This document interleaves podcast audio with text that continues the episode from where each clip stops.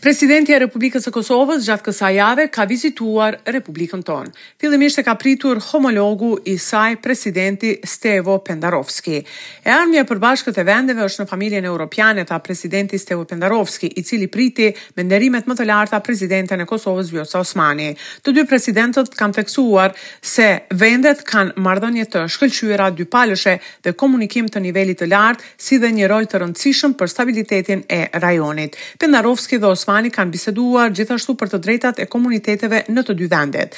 Në takim me presidenten e Kosovës biseduam edhe mbi mundësitë për avancimin e të drejtave të maqedonasve në Kosovë në një kohë kur për fat të keq Janë riaktivizuar disa propaganda të huaja.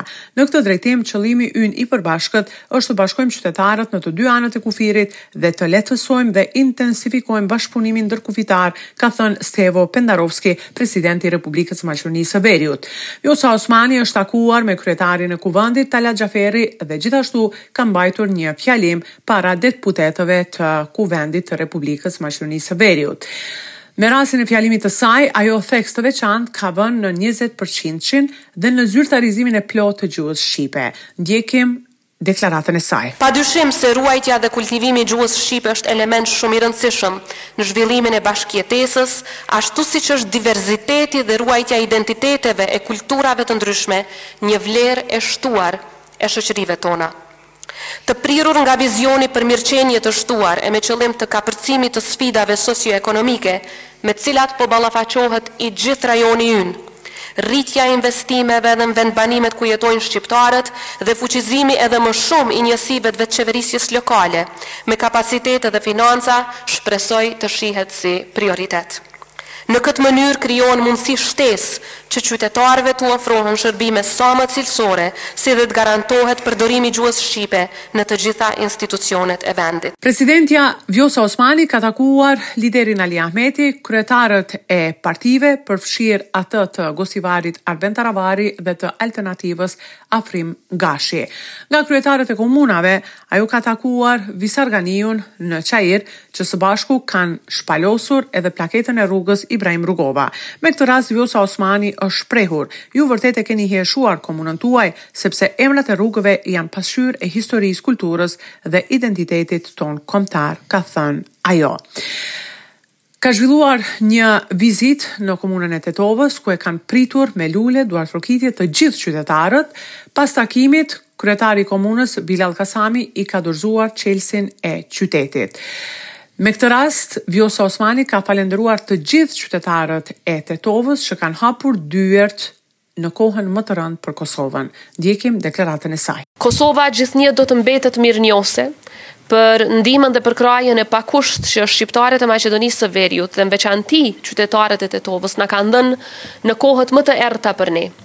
Nga vitet e hershme të nëntëdhjetave, deri te lufta në Kosovë, por edhe si vend ku uh, ne gjetëm strehën e prehjen uh, sa herë uh, kishim vështirësi. Pritja e presidentes së Kosovës ka shkaktuar tensione mes VMRO-së dhe Lëvizjes Besa në Këshillin Komunal të Tetovës. Këshilltarët e VMRO-së e kanë shfrytëzuar edhe këtë moment për të akuzuar kreun e komunës për shkelje kushtetuese, në mosrespektim të gjuhës maqedone në billbordet ku i dëshirohej mirëseardhje Vjosa Osmanit.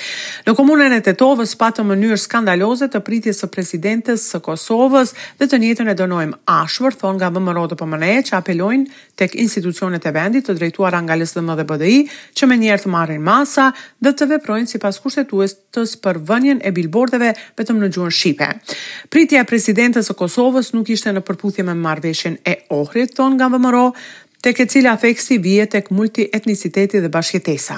Nuk duhet harruar kurrë se Tetova është qytet në Maqedoni dhe ku jetojnë maqedonas dhe etnitete tjera, si dhe në këtë qytet gjuhë zyrtare është gjuha maqedone, thotë Angel Karapetrov nga Këshilli i VMRO-së në Komunën e Tetovës. Por kreu i Këshillit Komunal të Tetovës, Besar Durmishi, reagimin e VMRO-së e ka cilësuar si veprim tejet të ulët dhe për politika ditore. Gjithashtu një ditë më parë se të vinte Vjosa Osmani, rinia e VMRO-DPMNE-së në Tetovë në hyrje të qytetit, ka vendosur mbishkrime Tetova është zemra e Maqedonisë, si shenjë proteste ndaj bilbordeve vetëm në shqip. Sido që të jetë, vizita e presidentes së Kosovës në Maqedoninë e Veriut do të mbahet mend si vizitë historike, e cila është përcjellur nga qytetarët dhe të gjitha mediumet. Ndër temat e tjera, janë ndryshimet kushtetuese në vendin tonë. Anëtarët e grupit punues që duhet të përgatisin propozim iniciativën për nevojën e ndryshimeve kushtetuese në seancën e parë konstituive që është mbajtur gjatë kësaj jave kanë zgjedhur unanimisht ish-gjykatësen në Gjykatën Evropiane për të Drejtat e Njeriut në Strasburg, Margarita Caca-Nikollovskën për kryetare të grupit, ndërkaq Bajram Pollozhanin ish-gjykatës në Gjykatën Kushtetuese dhe profesor i të drejtës kushtetuese për nënkryetar.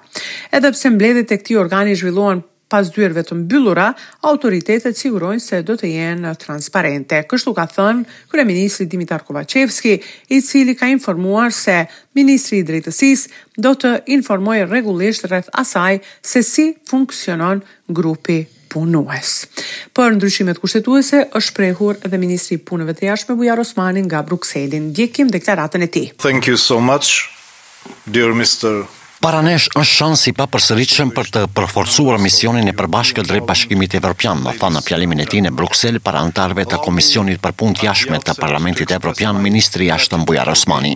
Sipas tij, vendi ka dy mundësi, drejt Evropës për më shumë integrime deri në anëtarësimin e plotë në BE, ose kthim prapa drejt ndasive dhe humbjes së kohës.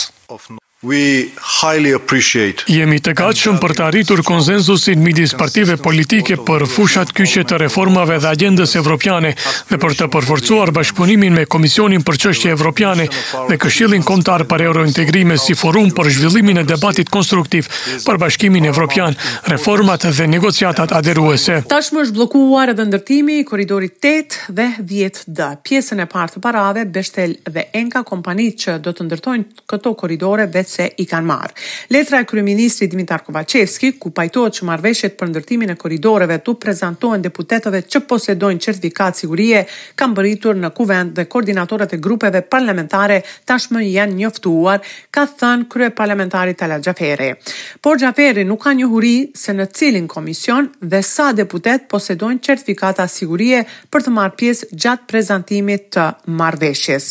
Ai ka bërë të ditur se dokumente të tilla të cilat konsiderohen të klasifikuara nuk do t'u dorëzohen deputetëve, vetëm do t'ju prezantohen.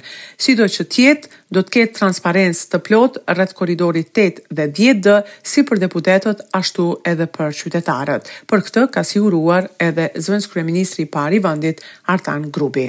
Për Radion SBS raporton nga Republika e Maqedonisë së Veriut, Besiana Mehmedi.